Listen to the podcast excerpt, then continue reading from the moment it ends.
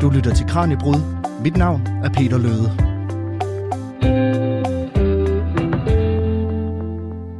Jeg kunne godt tænke mig, at vi startede dagens udsendelse med, at vi hørte en lille snas af det, der flere gange er blevet omtalt som en af de farligste plader, der nogensinde er blevet udgivet i Danmark. Jeg er bare et menneske, hverken mand eller kvinde. I hvert fald ikke i din forstand, ikke det du venter at finde. Siger, jeg er latterlig, fordi min rolle bliver brudt.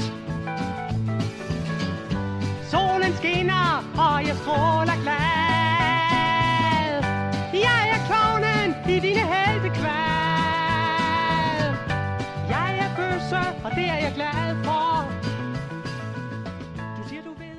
Og det var altså en lille bid af det nummer, der hedder Jeg er Bøsse, og det er jeg glad for fra LP'en Bøsse af Bent Jacobsen, der udkom i 1975. Og den her plade, den blev altså på udgivelsestidspunktet omtalt som en af landets farligste plader. For på det her album, der synger Bent altså ret eksplicit om sine egne homoseksuelle oplevelser, og så er det bare en i rækken af protestplader, der blev udgivet af det, der dengang hed Bøssernes Befrielsesfront, eller BFF. Og den her slags plader, de hører nok fortiden til, for der er sket meget i LGBT plus bevægelsen siden 70'erne, hvor ord som bøsse var et skældsord, og to mænd ikke måtte danse sammen i offentligheden. Og det er lige netop den her udvikling, som Kranjebrud handler om i dag. For i den her uge, der er der jo Pride-uge i København, og derfor så er det også en god anledning til at kigge nærmere på historien om danske homoseksuelle. For hvor meget har vi rykket os de seneste 100 år, og er der overhovedet noget tilbage at arbejde for, når det kommer til rettigheder for homoseksuelle i Danmark? Det er bare nogle af de spørgsmål, som vi undersøger i dagens Kranjebrud. Og som jeg nævnte før, så er sange som Jeg er bøsse, og det er jeg glad for, nok ikke rigtig længere så stor en del af LGBTQ kampen. I stedet så foregår kampen øh, under fanerne af det symbol, som jeg står med her, nemlig regnbueflaget, som man altså skal se over hele København, hvor der de næste dage er lagt op til masser af fest, sang og kærlighed.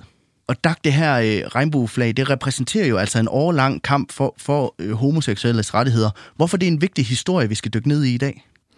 Altså, jeg er så meget inspireret, hvis vi skal starte lidt langhåret, med- af en fransk filosof, der hedder Michel Foucault, som øh, er meget interesseret i de radikale diskontinuiteter, altså at øh, ting, vi tror, vi kender, måske i virkeligheden har været ret har været radikalt anderledes i tidligere tider, øh, og også fordi, at øh, det gør jo også, at vi heller øh, vi må også øh, kan være overbevist om, at tingene ikke vil forblive sådan, som de er lige nu i fremtiden. Så den der, den der forestilling om, at tingene har været helt anderledes i, gamle, i, i andre tider, øh, og så også vil være det i fremtiden, den synes jeg er utrolig interessant, og måske især netop på seksualitetens område, fordi jeg tror, at de fleste oplever, at vi er i en rivende udvikling lige præcis nu omkring øh, kategorier som seksualiteter og køn. Og vi skal nok nå forbi både de store og de mere barske øjeblikke i den danske homohistorie i dagens program. Alt fra forbud og forfølgelser til kærlighed og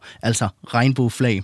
Der er lidt af hvert på programmet og meget historie at dække, så der er ikke andet at sige end at velkommen til Kranjebrud. Du lytter til Radio 4. Min guide til den danske regnbuehistorie i dag, det er dig, der er kede litteraturhistoriker og lektor ved SDU, og så har du flere år beskæftiget dig med fortællingen om de danske homoseksuelle, som de selv har fortalt den i bøger og litteratur. Velkommen til studiet. Tak for det. Hvorfor er LGBTQ plus' historie interessant for dig at forske i?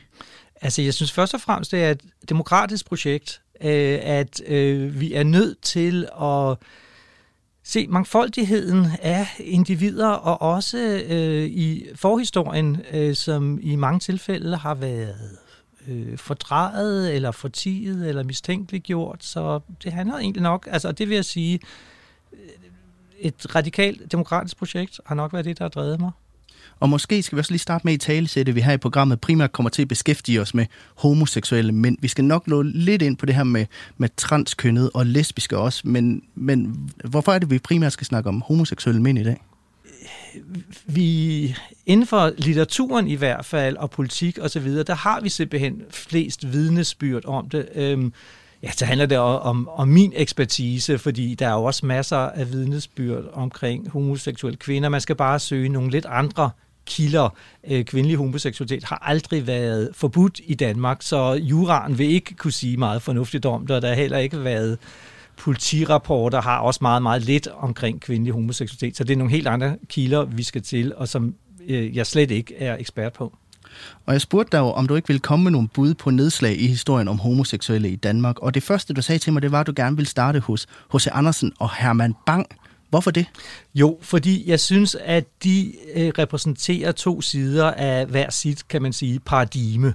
Øh, vi har øh, fra i midten af 1800-tallet har vi et helt andet, en helt anden forståelsesramme af mænds følelser for mænd. Øh, vi har to radikalt forskellige kategorier, som endte med at nærmest blive smeltet sammen i anden halvdel af 1800-tallet. Og det er på den ene side det romantiske venskab, og så er det øh, den øh, straffekategorien sodomi, som, som var en ulovlig handling.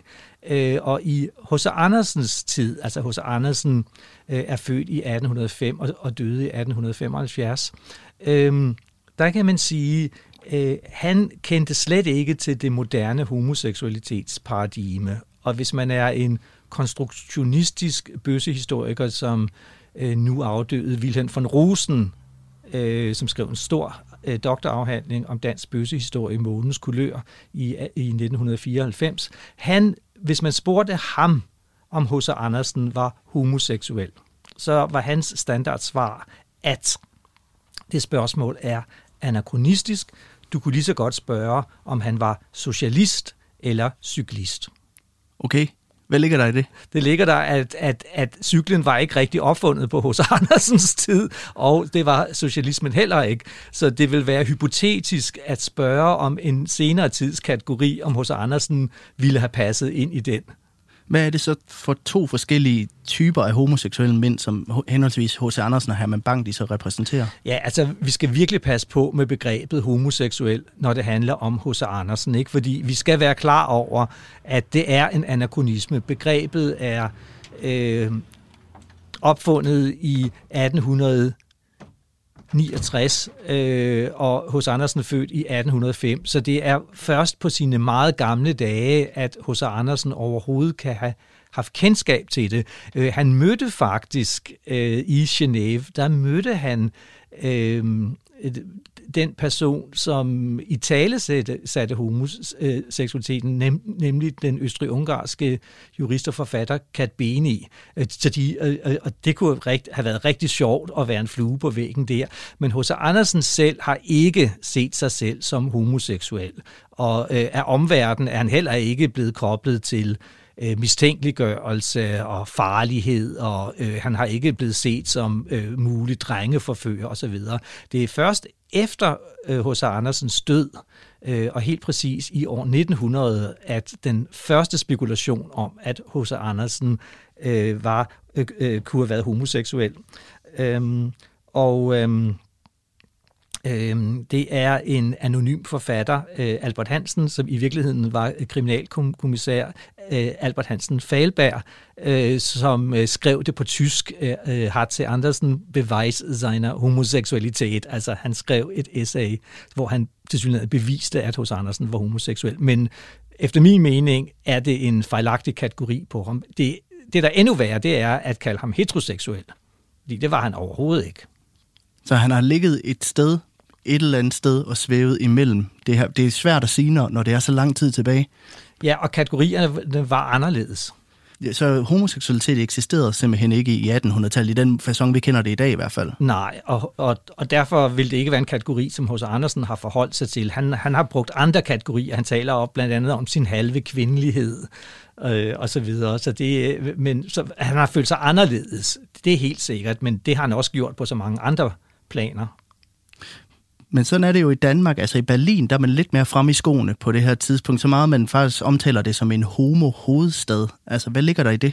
Ja, det sker jo så fra 1804, øh, 1869 og så anden halvdel af 1800-tallet. Der har vi den her, Michel Foucault kalder det øh, den her, den seksuelle eksplosion, at vi har en, en enorm interesse fra alle mulige videnskabsgrene i seksualiteten. Og lige netop Berlin ender Herman Bang jo med at flygte til senere hen for at undgå at blive forfulgt i det, der hed sædelighedssagen fra starten af 1900-tallet. Og hvad det handlede om, det kan du høre mere om lige om lidt.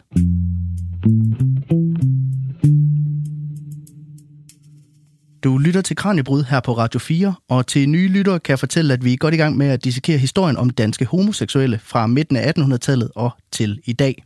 Min gæst er Dag Hede, litteraturhistoriker og lektor ved SDU, som altså i mange år har studeret den danske regnbuefortælling. Og nu har vi lige talt lidt om H.C. Andersen, og jeg kunne godt tænke mig at bevæge lidt over til at tale om Herman Bang, og jeg kunne godt tænke mig at starte den her del af programmet netop at oplæse et citat fra Herman Bang. Det er så svært for den, der elsker, og gå ved siden af den, der kun holder af.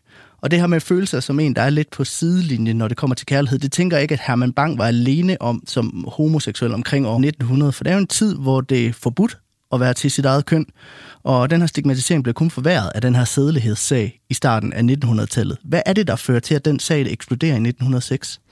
Jeg tror, det vi i hvert fald kan, kan sige med sikkerhed, det er, at det ikke kun er et dansk fænomen. Øh, vi har en lang række homoseksuelle skandaler i Vesteuropa på det her tidspunkt, og især i vesteuropæiske hovedsteder. Vi har Oscar Wilde-skandalen øh, i England, øh, vi har Oldenburg-skandalen i Tyskland, vi har en øh, skandale i Sverige, øh, også i... Øh, øh, øh, perioden 1900 til 1910. Og så har vi altså den her, den store sædelighedsskandale i 1906-7. Øh, jeg tror, det handler om, at øh, det er første gang, i hvert fald i øh, Europas hovedsteder, at homoseksualiteten bliver øh, offentligt debatteret. Det har eksisteret sådan i smug og i ekspertkredse og i private cirkler øh, siden 1870'erne og frem, men, men, men, men det bliver et offentligt anlæggende øh, i den her periode. Og det er her, at øh, smuspressen begynder virkelig at skrive om den, og den store sædelighedsskandale blev også øh, et scoop for øh, en række af de her øh, boulevardpresseorganer, som boldrede sig i sagen og øh, skrev og opfandt en masse ting. Hvad er det for nogle oplysninger, der kommer frem, der, der fører til den her sag? Det er en helt banal sag om to øh, unge mænd, som bliver anholdt i en baggård. Øh, man mistænker dem for at ville begå indbrud, men i virkeligheden så er de søgt ind i baggården for at begå utugt. Altså, de skal have sex derinde.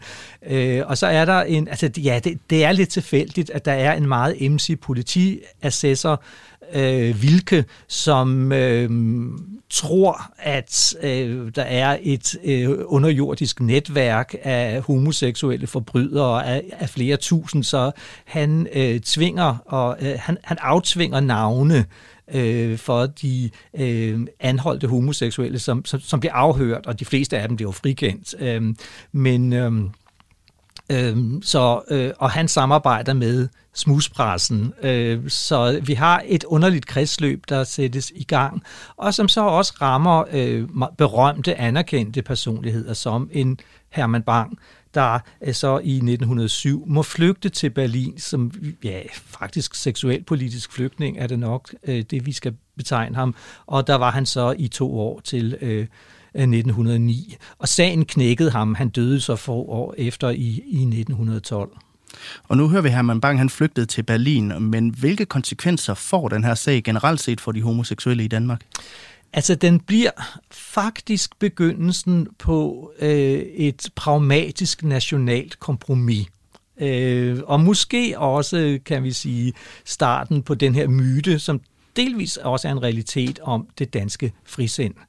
Det fører til en øh, pragmatik i, hos politi og retsvæsenet, at øh, seksuelle handlinger mellem voksne samtykkende mænd i privaten bliver de facto afkriminaliseret. Det betyder ikke, at loven bliver ændret. Det blev den første i 1930, og den trådte i kraft, den nye straffelov trådte i kraft i 1933, som har en de facto afkriminalisering af øh, homoseksualitet, og det gælder altså kun mænd. Kvindelig homoseksualitet har aldrig været kriminaliseret. Men det, der sker, er, at øh, politiet bliver opmærksom på fænomenet og har en praksis med, at de kun griber ind hvis, det er, hvis der er mindreårige involveret, eller hvis der er tale om sexarbejde. Så en del af det her kompromis er altså, at, at, at de homoseksuelle skal tage afstand til prostitution og, og pædofili, og så skal de ligesom holde sexakterne hjemme i privaten. Er det rigtigt forstået? Man skal holde det i privaten, og man skal ikke missionere, man skal ikke forføre. Øh, og det er faktisk det nationale kompromis, som øh, ender helt frem som, som, som holder helt frem til 1960'erne. Der har vi så den grimme lov, som, som, som, som var en de facto, kan man sige, genkriminalisering af homoseksualitet. Men det var så øh, det sidste krampe trækning af øh, mod en i hvert fald juridisk ligestilling. Og lige præcis den grimme lov, det skal vi nok komme ind på senere i programmet. Men hvad er det, Herman Bang han flygter fra? Altså, hvad er straffen, hvis man bliver taget i at være øh, homofil? Altså, det har været en juridisk gråzone, og man har simpelthen ikke vidst det øh, præcis, hvad der ville ske. Øh, og det er det, det var de færreste, øh, som endte med at blive dømt i, i den store sædelighedsskandale. Det var en tandlæge Å, som har skrevet en, en, en bog om øh, forløbet, og så var det øh, en kriminalassistent, øh, Karl Albert Hansen Falberg, der også var forfatter, øh, som, som endte med at blive dømt. Øh, Falberg kom så nogle måneder, han fik nervesammenbrud og kom så på kommunehospitalets 6. afdeling, øh, og hvor Herman Bang også havde været indlagt. Øhm, så først og fremmest har der ikke været tale om decideret juridisk forfølgelse. Det, det var der også, men, men det har været skandalen, og det har været den sociale stigmatisering. Øhm, under øh, den store sædelighedsskandale, der var der for eksempel overskrifter om, at, at, at man havde en historie om en ung mand, der havde begået selvmord, øh, fordi han var blevet forført af øh, Bang selv, og, og så var der Herman Bang som morder, stod der, øh, øh, og, og det har jo været frygteligt øh, for en, en, en følsom sjæl som ham øh, at opleve. Så man kan sige, at den egentlige straf var mere, at du, øh, du blev tilsmusset rent offentligt og fik ødelagt dit gode omdømme, mere end at du rent faktisk kom i fængsel eller fik en straf på den fasong. Ja, ofte mistede man jo også sit arbejde, altså øh, som i øh, Karl Albert Hansens Falbergs tilfælde. Han kunne jo ikke fortsætte inden for politiet. Og ofte øh, udvandrede de øh, især til USA.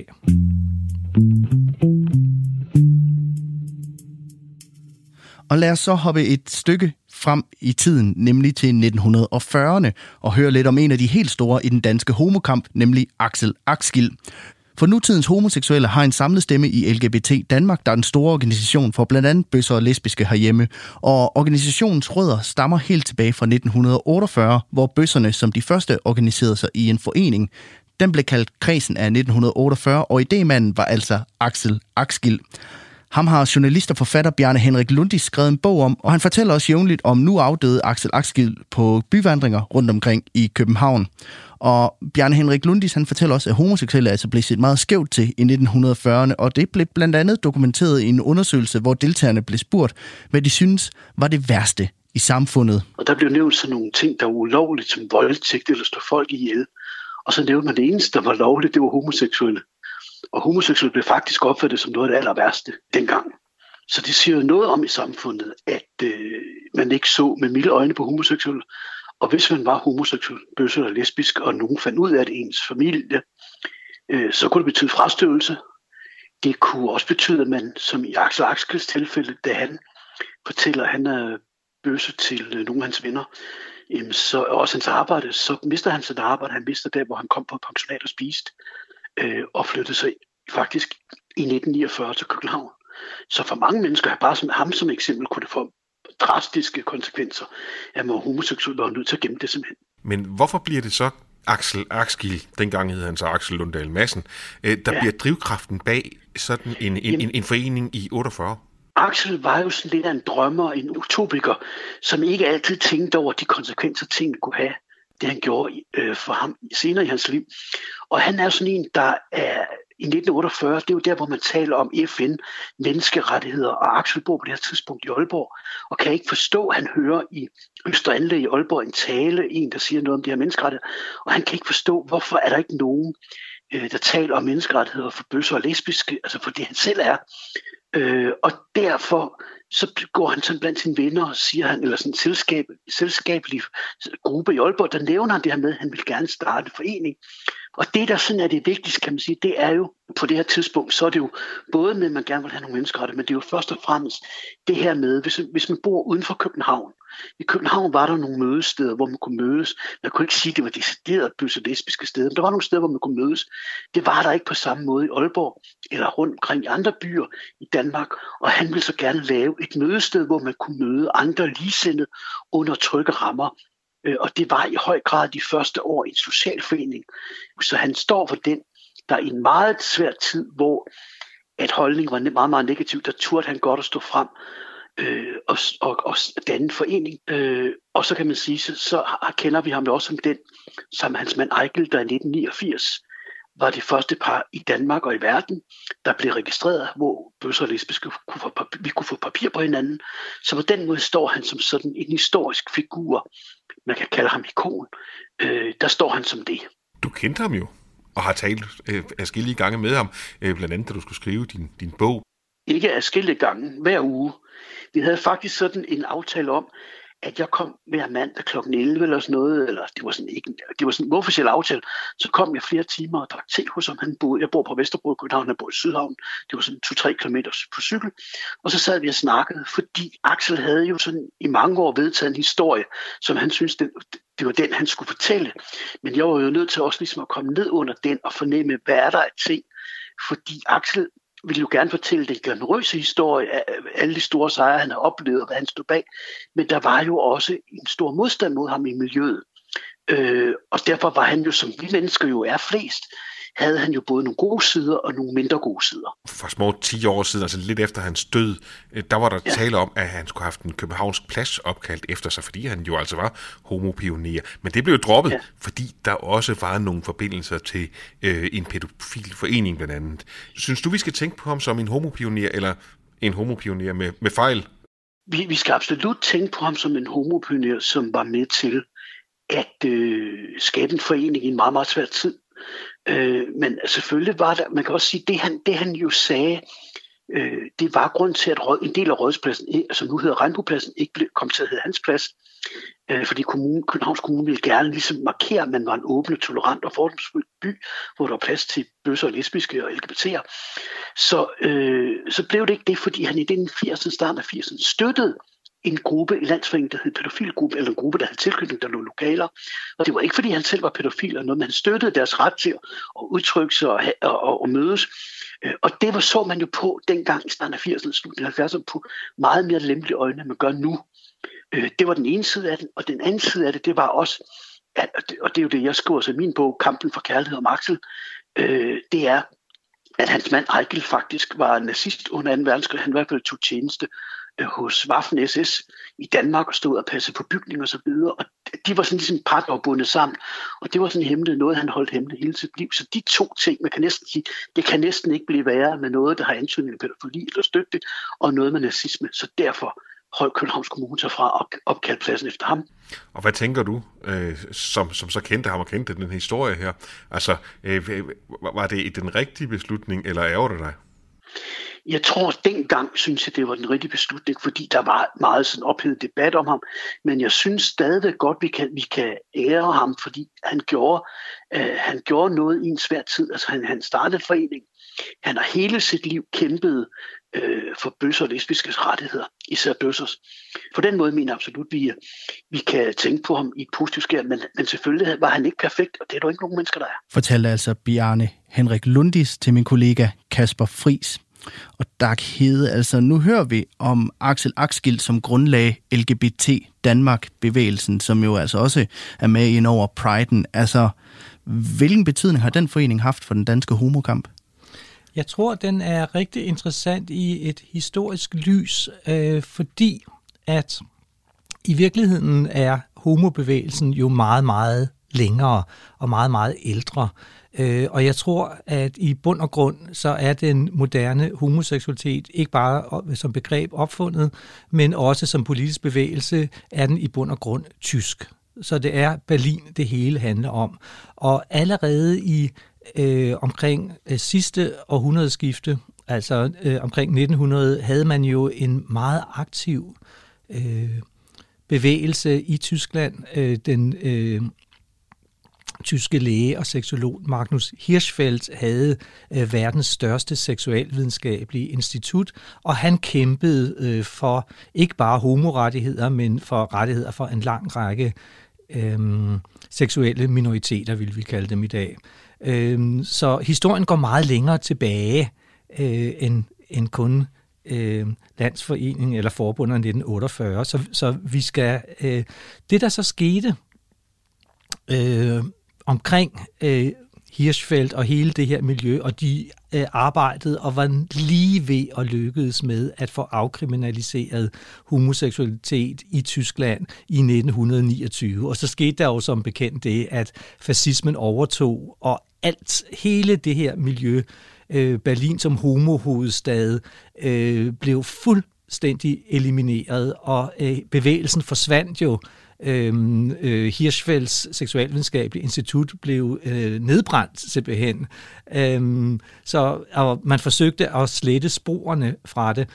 Øhm, ja, og derfor tror jeg, at den her centraleuropæiske bevægelse, eller den her øh, øh, homokamp, øh, den forsvandt i Tyskland, øh, men den overlevede i nabolande som Danmark, Holland og Schweiz øh, fordi vi har været aflæggere af den her tyske inspiration, og derfor er det heller ikke tilfældigt, at det er lige præcis de tre lande, der efter øh, slutningen af 2. verdenskrig øh, skaber de første homoseksuelle bevægelser. Så, det i, så jeg tror, vi skal se Danmark i sådan en central europæisk kontekst. Om lidt, så bevæger vi os længere op i historien. Vi skal nemlig frem til 60'erne og 70'erne, der både bød på lovgivning mod homoseksuelle, men også seksuel frigørelse og mere moderne kønsidealer. Du lytter til Radio 4. I Kranjebrudstudiet i dag, der har jeg medbragt et regnbueflag. Og det har jeg, fordi vi i dagens program tager fat på historien, der gemmer sig bag de mange regnbuer, der bryder København i den her uge. For det var Pride Week, en fejring og markering af diversiteten i både køn og seksualitet. Min gæst i studiet er Dark Hede, litteraturhistoriker og lektor ved SDU, som altså i mange år har udforsket den her til tider dystre, men også meget farverige historie. Og lad os uh, tage fat på et af de mere mørke kapitler i Regnbuens historiebog, nemlig historien om den grimme lov fra 1960'erne. For at forstå, hvad den grimme lov handler om, så er vi nok nødt til at starte med at tale om, hvordan det homoseksuelle miljø i København og prostitutionsmiljøet på det her tidspunkt hang meget tæt sammen. Hvordan var forholdet mellem de to? Ja, altså vi har jo haft en meget mere... Øh, vi har haft en tættere kobling mellem mandlig homoseksualitet og det, vi vil kalde pædofili øh, og prostitution øh, helt frem til øh, 1950'erne, 1960'erne. Øh, vi har haft en, i første halvdel af forrige århundrede, der havde vi jo en ret udbredt soldaterprostitution. Der var jo mange soldater, der var udstationeret i hovedstaden, øh, og øh, øh, de fik dårlig løn, og det har været udbredt praksis, at de fik en krone eller to for at lade sig servicere af homoseksuelle mænd. Øh, jeg tror også i det homoseksuelle miljø, det her er jo noget, vi ikke har så mange kilder på, men jeg tror også, der var en forestilling om, at man ikke nødvendigvis ville have sex med hinanden. Øh, jeg ved ikke, om det blev betragtet som lesbisk i gåseøjne, men at øh, mange ville have såkaldt rigtige mænd. Øh, og det var jo sådan Altså lidt... mænd, som ikke var hom- homoseksuelle? Ja, eller jeg ved ikke, om vi skal kalde dem biseksuelle, eller som øh, fungerede som midlertidige sexarbejdere. Ikke? Øhm, men, men der har helt klart været den der, øh, både som fantasi og forestilling og reel praksis. Øh, så øh, den kobling mellem prostitution, pædofili, altså, og nu skal vi jo huske på, den homoseksuelle lavalder var, var tre år højere øh, end den heteroseksuelle lavalder, så der var jo klar diskrimination, så det, det gjorde jo, at øh, hvis man havde betalt sex med en 17-årig dreng, så, så, så, så var det både altså sexdel, øh, betalingsdelen var kriminaliseret, og aldersdelen var kriminaliseret. Så der var den her juridiske gråzone, som så blev aktiveret ved vedtagelsen af den såkaldt grimme lov øh, i 1960'erne. Og hvad var det, den grimme lov, den indebar? Ja, den, den var sådan set en skærpelse af øh, en mulig juridisk forfølgelse, øh, men øh, man kan sige, at politiet blev langt mere aktive, og ikke bare øh, kunne de øh, anholde personer, de så, men de agerede selv øh, som lokkeduer, som lokkede homoseksuelle mænd. Altså til simpelthen sig. undercover? Simpelthen, ja. Og hvad var det, hvorfor mente man, at den her lov var nødvendig? Altså, der er mange grunde til det. København var jo blevet en storby. Man var angst for øh, alt, hvad der fører med modernisering, modernitet, urbanisering osv. Øh, og så var der også en bekymring for, at om homoseksualiteten øh, øh, om det kunne smitte, altså at de her unge mennesker blev forført til, til homoseksualitet. Så der er det en, en lang række type angstforestillinger, der så bliver samlet i øh, begrebet om øh, den homoseksuelle drengeforfører. Og hvordan påvirkede den her lov så reelt set homoseksuelle i København?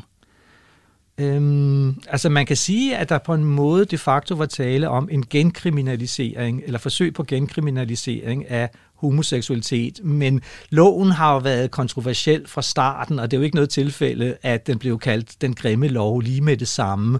Så man kan sige, at den har også været udsat for meget kritik øh, fra starten, så det, det har nok været, kan man sige, den juridiske homofobi sidste krampetrækninger, og den blev jo også, øh, den, den varede jo kun i øh, en kort overrække, så, så blev den afskaffet. Så sker der så det her, som jeg vil kalde det det nationale danske kompromis om homoseksualitet. Ja, og hvad er det? Det er, at med 70'erne og de seksuelle frigørelsesbevægelser, og du nævnte før bøssernes befrielsesfront, øhm, så sker der dog faktisk det, at øh, for det første bliver, ser vi en nedgang i øh, prostitutionen. Øh, vi ser også en, en holdningsændring hos øh, de danske homoseksuelle mænd. Altså den der forestilling om, at de først og fremmest vil have sex med rigtige mænd, den forsvandt i og med, at øh, øh, man kan sige, de homoseksuelle mænd i deres positive fortælling om at være homoseksuelle, de, fandt, de har så valgt øh, Øh, i langt højere grad at have sex med hinanden.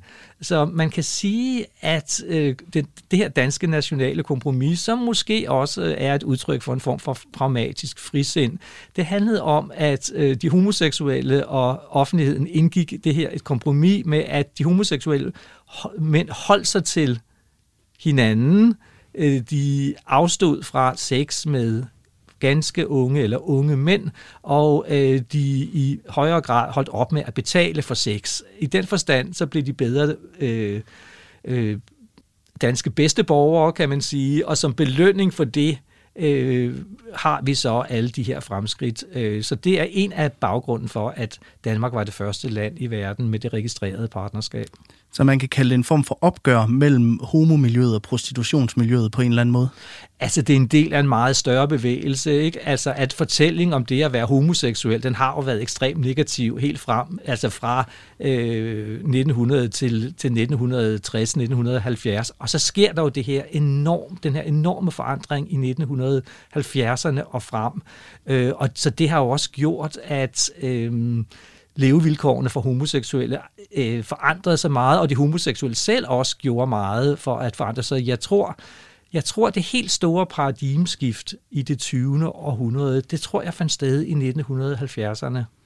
Og lad os prøve at bevæge os frem til 70'erne og vende tilbage til det her regnbueflag, fordi det kommer jo netop frem i, øh, i 70'erne og bliver et øh, internationalt symbol på LGBT plus uh, kampen. Min kollega Emma Holtet har kigget nærmere på det her flags oprindelse og prøver at høre, hvad hun fortæller her.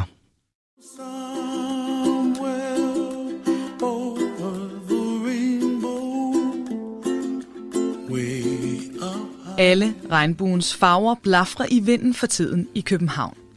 Det farverige flag blev skabt af kunstneren Gilbert Baker i 1978, da han ønskede at skabe et symbol, der kunne forene seksualitet og kønskampen under et banner på opfordring fra den homoseksuelle politiker Harvey Milk. Valget faldt på regnbuen, da den ifølge Gilbert Baker selv repræsenterede alle køn og raser med sine mange farver. Oprindeligt havde flaget otte farvede striber. For ud over de farver, man kender fra flaget i dag, så var lyserød og turkis også en del af banneret som symbol for sex og kunst. Flaget blev i første omgang enormt populært i kølvandet på mordet på Harvey Milk i slutningen af 1978, hvor efterspørgselen steg så voldsomt, at det ikke længere var muligt at skaffe stof i pink og turkis. Derfor redesignede Baker flaget til kun at have de seks farver, vi kender i dag. Gilbert har dog senere flere gange opfordret til, at man gik tilbage til at bruge de originale otte stribede flag. Og de senere år er flaget da også blevet mere farverigt, men ikke fordi man gik tilbage til Gilberts originale version. Blandt andet skabte det en del debatter på de sociale medier, da et nyt otte-stribet Pride-flag blev præsenteret i Philadelphia i sommeren 2017. Det nye flag indeholdt ud over de seks farver, vi kender, nemlig også en brun og sort stribe, repræsenteret i toppen som symbol for de ikke-hvide i USA. Andre varianter er også kommet til gennem tiden. I 2008 redesignede den amerikanske ikke-binære designer David Kassar flaget til bedre at repræsentere den moderne LGBTQ plus bevægelse ved at inkorporere farverne for transkønnede og ikke-hvide i en pileform i venstre side af det originale flag. Pilen peger mod højre for at vise en fremadrettet progressiv bevægelse. Kassar-varianten, som blev døbt Progress, er senere blevet foretrukket af mange af medlemmerne i LGBTQ bevægelsen, da de anser det for at være mere inkluderende end de tidligere versioner. Og derfor har det også flere steder erstattet det tidligere regnbueflag, når der skal flages fra offentlige bygninger i især USA. Andre mindre varianter er sidenhen kommet til for blandt andet aseksuelle, biseksuelle og interkønnethed. Det er dog ikke kun fest, farver og accept, som flaget repræsenterer. For regnbueflaget har også været genstand for kritik og diskussion i de 44 år, der er gået siden dets fødsel. Blandt andet mener mange, at virksomheder misbruger flagets farver til at øge salget i løbet af Pride-ugen, mens andre mener, at flaget er blevet for politiseret og har bevæget sig langt væk fra sit originale formål, nemlig som et symbol for LGBTQ evige kamp for rettigheder. En kamp, der altså fortsætter i København i denne uge, når regnbueflaget i alle des afarter vejrer over priden.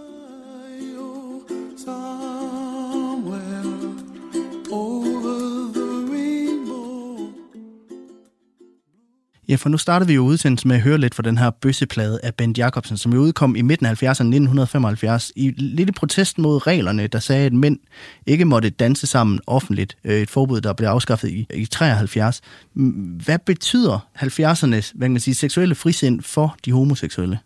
Altså, de homoseksuelle var jo også en af de vigtigste aktører i hele den bevægelse. Ikke? Og Ben Jacobsen, han, han, øh, i virkeligheden tror jeg, at vi har meget lettere ved at forstå ham, end vi har øh, med at forstå homoseksuelle stemmer øh, fra før 1960 eller 1970. Øh, meget af det, som Ben Jacobsen, ikke, han, og han, han udvider jo også, kan man sige, homokampen til et spørgsmål om køn. Han siger jo også, at han er hverken mand eller kvinde, eller i hvert fald ikke mand, sådan som du regner med, osv. Så, videre. så det er, er jo nogle tankegange, som passer rigtig godt ind, og stadigvæk har en aktualitet i dag. Så min pointe er, at jeg tror, at vi forstår sådan en som Ben Jacobsen på en måde, vi slet ikke forstår sådan en som Herman Bang, eller en som Christian Hovmark, eller måske øh, Axel Axkild også. Simpelthen fordi, at konceptet og opfattelsen af den homoseksuelle mand ændrer sig så radikalt på det her tidspunkt. Ja, og også begrebet om det at være mand og så videre. Ikke? Så jeg tror, der er et massivt øh, paradigmeskift, der finder sted der i 1970'erne. Men så sker der også noget i 1980'erne, der igen ændrer synet lidt på homoseksuelle, nemlig HIV og AIDS epidemien. Og det er jo en seksuelt overført sygdom, der kan ramme alle, men som særligt spredte sig i de homoseksuelle miljøer i USA. Og i 1981 der registrerede myndighederne så de første tilfælde herhjemme i Danmark. Hvad er det for en tid at være homoseksuel i? Altså egentlig tror jeg, at det skubber lidt på på bagvendt vis og med en dyster baggrund på en positiv udvikling, der allerede var godt i gang. Og jeg synes, at hvis man for eksempel ser på den måde, den danske regering taklede AIDS-krisen på, i modsætning til den svenske, altså hvor at, at, at, at, at i Sverige blev alle bøstesavne er lukket med det samme, og, og der var alvor, altså der var seriøst tale om at internere svenske HIV-positive på en ø i Skærgården. Ikke? Altså det er en helt, helt anden national fortælling end den danske. Jeg tror helt klart, at Danmarks pionerstatus som det første land i verden, der indførte registreret partnerskab øh, i øh, 1989, at det blandt andet skal ses på et forsøg på, at hvis, man, hvis de homoseksuelle nu får lov til at gifte sig, så bliver de måske mere monogame. Det ligger der, men jeg tror bare, det er en, en lille forklaring på en positiv udvikling, der allerede var godt i gang. Men hvad betyder det for samfundets syn på homoseksuelle, at der, at der er den her epidemi, hvor man kan se, at mange jo, jo dør? Jeg synes faktisk, i modsætning til andre lande, som har, altså hvor at øh, øh AIDS-krisen øh, fik en, øh, en homofob øh, kontekst, så synes jeg egentlig, Danmark var på mange måder gjorde det til et nationalt projekt at øh, hindre spredningen af AIDS. Jeg ved ikke, om I kan huske de kæmpe kampagner, der var. Jeg er så gammel, så jeg kan huske den tid. Øh, så jeg synes egentlig, at det på mange måder er en positiv historie, og er med til også at sprede historien om en særlig dansk eks- exceptionalisme i forhold til homoseksualitet. Så man kan sige, at det på en eller anden måde humaniserer de homoseksuelle også over for herre fra Danmark? Ja, som sagt tror jeg, at udviklingen var i gang øh, allerede, men jeg, altså, selvfølgelig har der også været koblinger mellem homofobi, og jeg kan da huske, at Susanne Brøgger havde en hæslig kronik i politikken, som, som, gjorde, øh, som sagde, at, at øh, AIDS var øh, universets straf for øh, promiskuitet. Så vi, havde, vi har nogle skurke i den historie, øh, som faktisk også skal fortælles. I Sverige er det Jonas Gardell, der har fortalt historien om, om den gang. Og vi mangler den historie, eller man kan sige et retsopgør, så at sige, omkring HIV-krisen. Jamen, hvad er det for et opgør? At det er et opgør, som, hvor, hvor at folk skal blive mindet om, hvad det var, de sagde dengang, og hvordan de talte ind i en panik, og at de ikke var bevidste om, håber jeg, det er i hvert fald mange af de svenskere, øh, som Jonas Gardell har fortalt om, har senere angret, hvad det var, de sagde. Øh, den, det, det opgør mangler vi i en dansk kontekst. Altså simpelthen et opgør med stigmatisering og homofobi i kølvandet på den her epidemi? Ja, hvem, hvem det var, der opportunistisk og samvittighedsløst øh, benyttede sig af krisen. Den fortælling mangler vi. Om lidt, så skruer vi så tiden frem til i dag. For hvad er det for nogle emner, der bliver bragt op til Pride i dag? Og kan man tale om, at vi simpelthen er nået i mål, når det kommer til at sikre rettighederne for alle dem, der identificerer sig under regnbuen?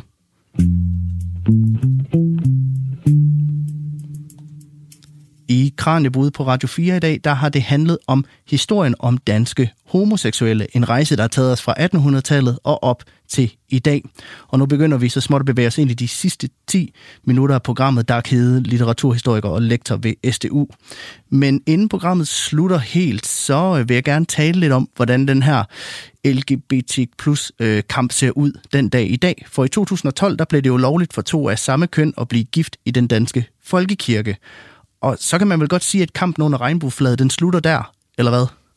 Øhm, nej, det tror jeg ikke. Altså, nu tror jeg heller ikke, at historien nogensinde slutter. Øh, og jeg tror altid, der vil være nye udfordringer. Og jeg tror stadigvæk, at det er vigtigt at demokratisere den heteroseksuelle matrix osv. Men øh, jeg tror, altså, hvis vi ser LGBTQ+, så tror jeg på mange måder, at L'et og G'et jeg vil ikke sige, at vi er nået i mål, men vi er kommet rigtig, rigtig langt. Men jeg tror, at stadigvæk for biseksuelle personer, for transpersoner og for non-binære personer, så tror jeg faktisk, kampen bare lige er begyndt. Og jeg tror, der er et kæmpe arbejde øh, på rigtig, rigtig mange planer for de personer. Og der håber jeg, at L- og G-personerne husker vores kamp og måske kan støtte op om det, selvom det, er, det, det vil være en anden kamp. Og Øh, mange af os øh, G-personer vil måske ikke rigtig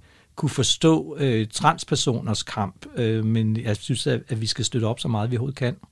Men er, er den her homokamp så gået hen og blevet en kønskamp i stedet for? Altså, det tror jeg altid, den har været. Altså, jeg tror aldrig, man kan øh, adskille homokampen fra kvindekampen eller mandekampen osv. Øh, og jeg tror også, det var grunden til, det var noget af det, som gjorde 70'ernes seksuelle frigørelsesbevægelser så stærke, at de var del af noget meget, meget større.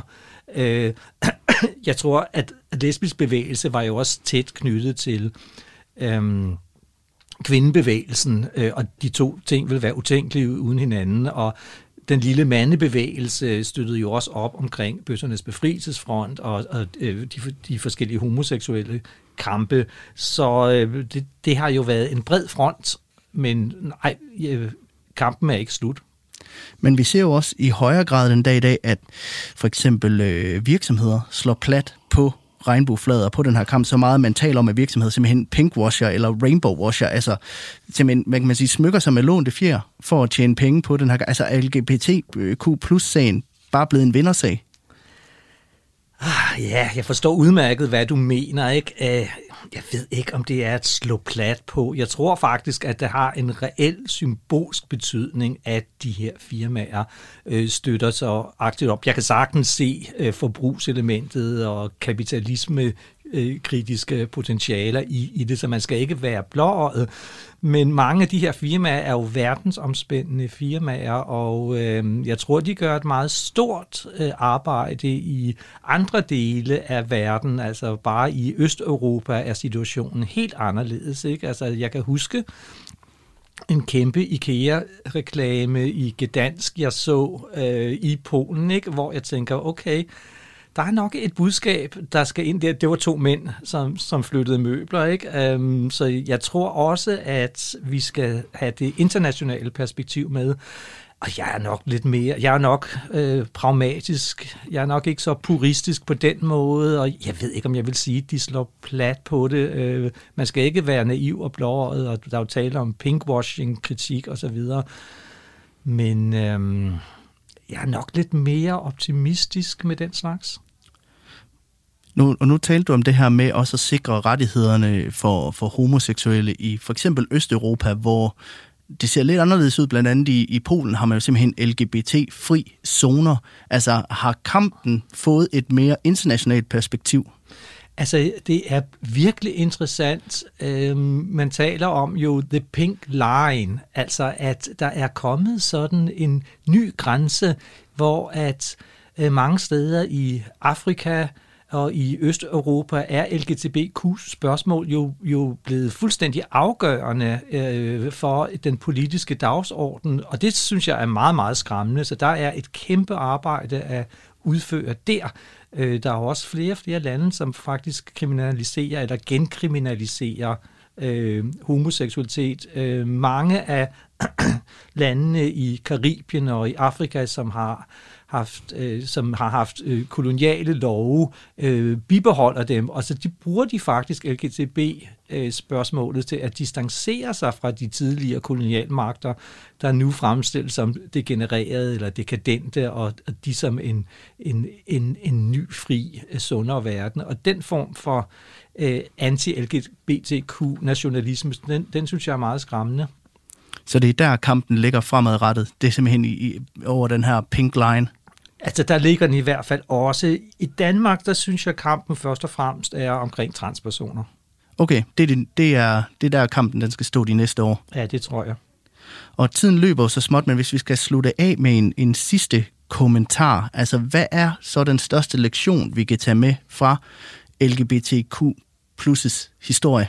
Det er, at tingene har været radikalt anderledes, end de er i dag, og også i fremtiden vil være det.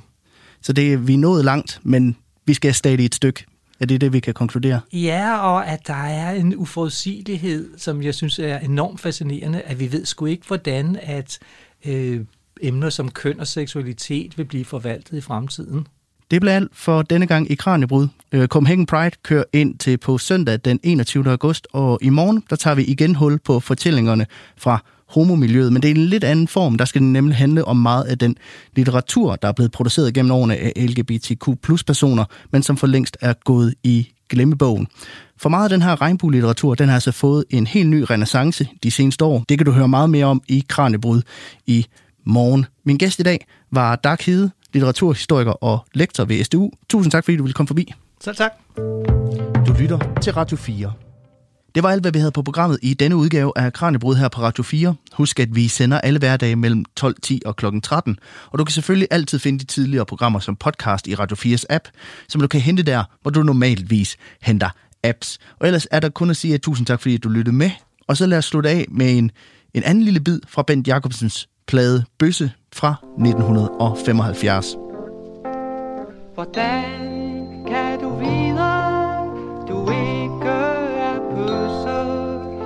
aldrig har tåret Holde en mand i hånden.